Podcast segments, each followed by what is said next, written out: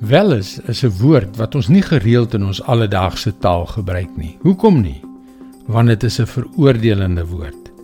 Dit impliseer dat sommige van ons begeertes, laat ons dit maar openlik sê, verkeerde begeertes is. Seksuele begeertes. Ja, dis 'n baie konfronterende woord. Hallo, ek is Jockey Gouchee vir Bernie Diamond en welkom weer by Vars. Ons het onlangs gesels oor die vernietigende effek van sonde en hoe dit ons beroof van die oorvloedige lewe wat Jesus vir ons kom gee het. Nou ja, ons kan daaroor praat totdat die perde eendag horings kry. Maar dit is net die krag van die kruis van Christus wat jou werklik kan bevry van die mag wat ons ou sondige self oor ons het. Kom ons kyk hoe dit werk. Romeine 6 vers 5 tot 7. Aangesien ons met hom een geword het in sy dood, sal ons sekerlik ook met hom een wees in sy opstanding. Ons weet tog dat die sondige mens wat ons was, saam met Christus gekruisig is, sodat ons sondige bestaan beëindig kon word. Ons is dus nie langer slawe van die sonde nie.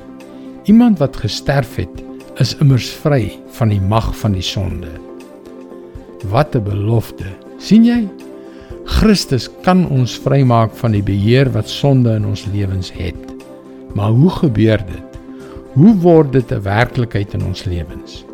Kom ons kyk weer na John Owen se weergawe van sy 17de eeuse klassieke boek Of the Mortification of Sin. Fokus jou geloof op Christus vir die uitwissing van jou sonde. Sy bloed is die groot soewereine geneesmiddel vir sonde siek siele. Leef met hierdie waarheid en jy sal as oorwinnaar sterf.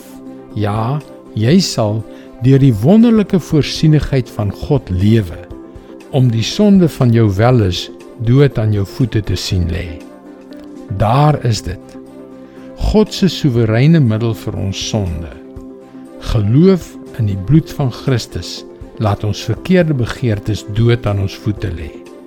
Dis sy woord vars vir jou vandag. Daar is soveel krag in die woord van God. Krag om te glo, krag om ons vry te maak.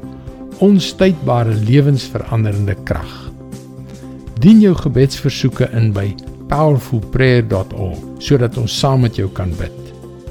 Mooi loop en luister weer môre na jou gunstelingstasie.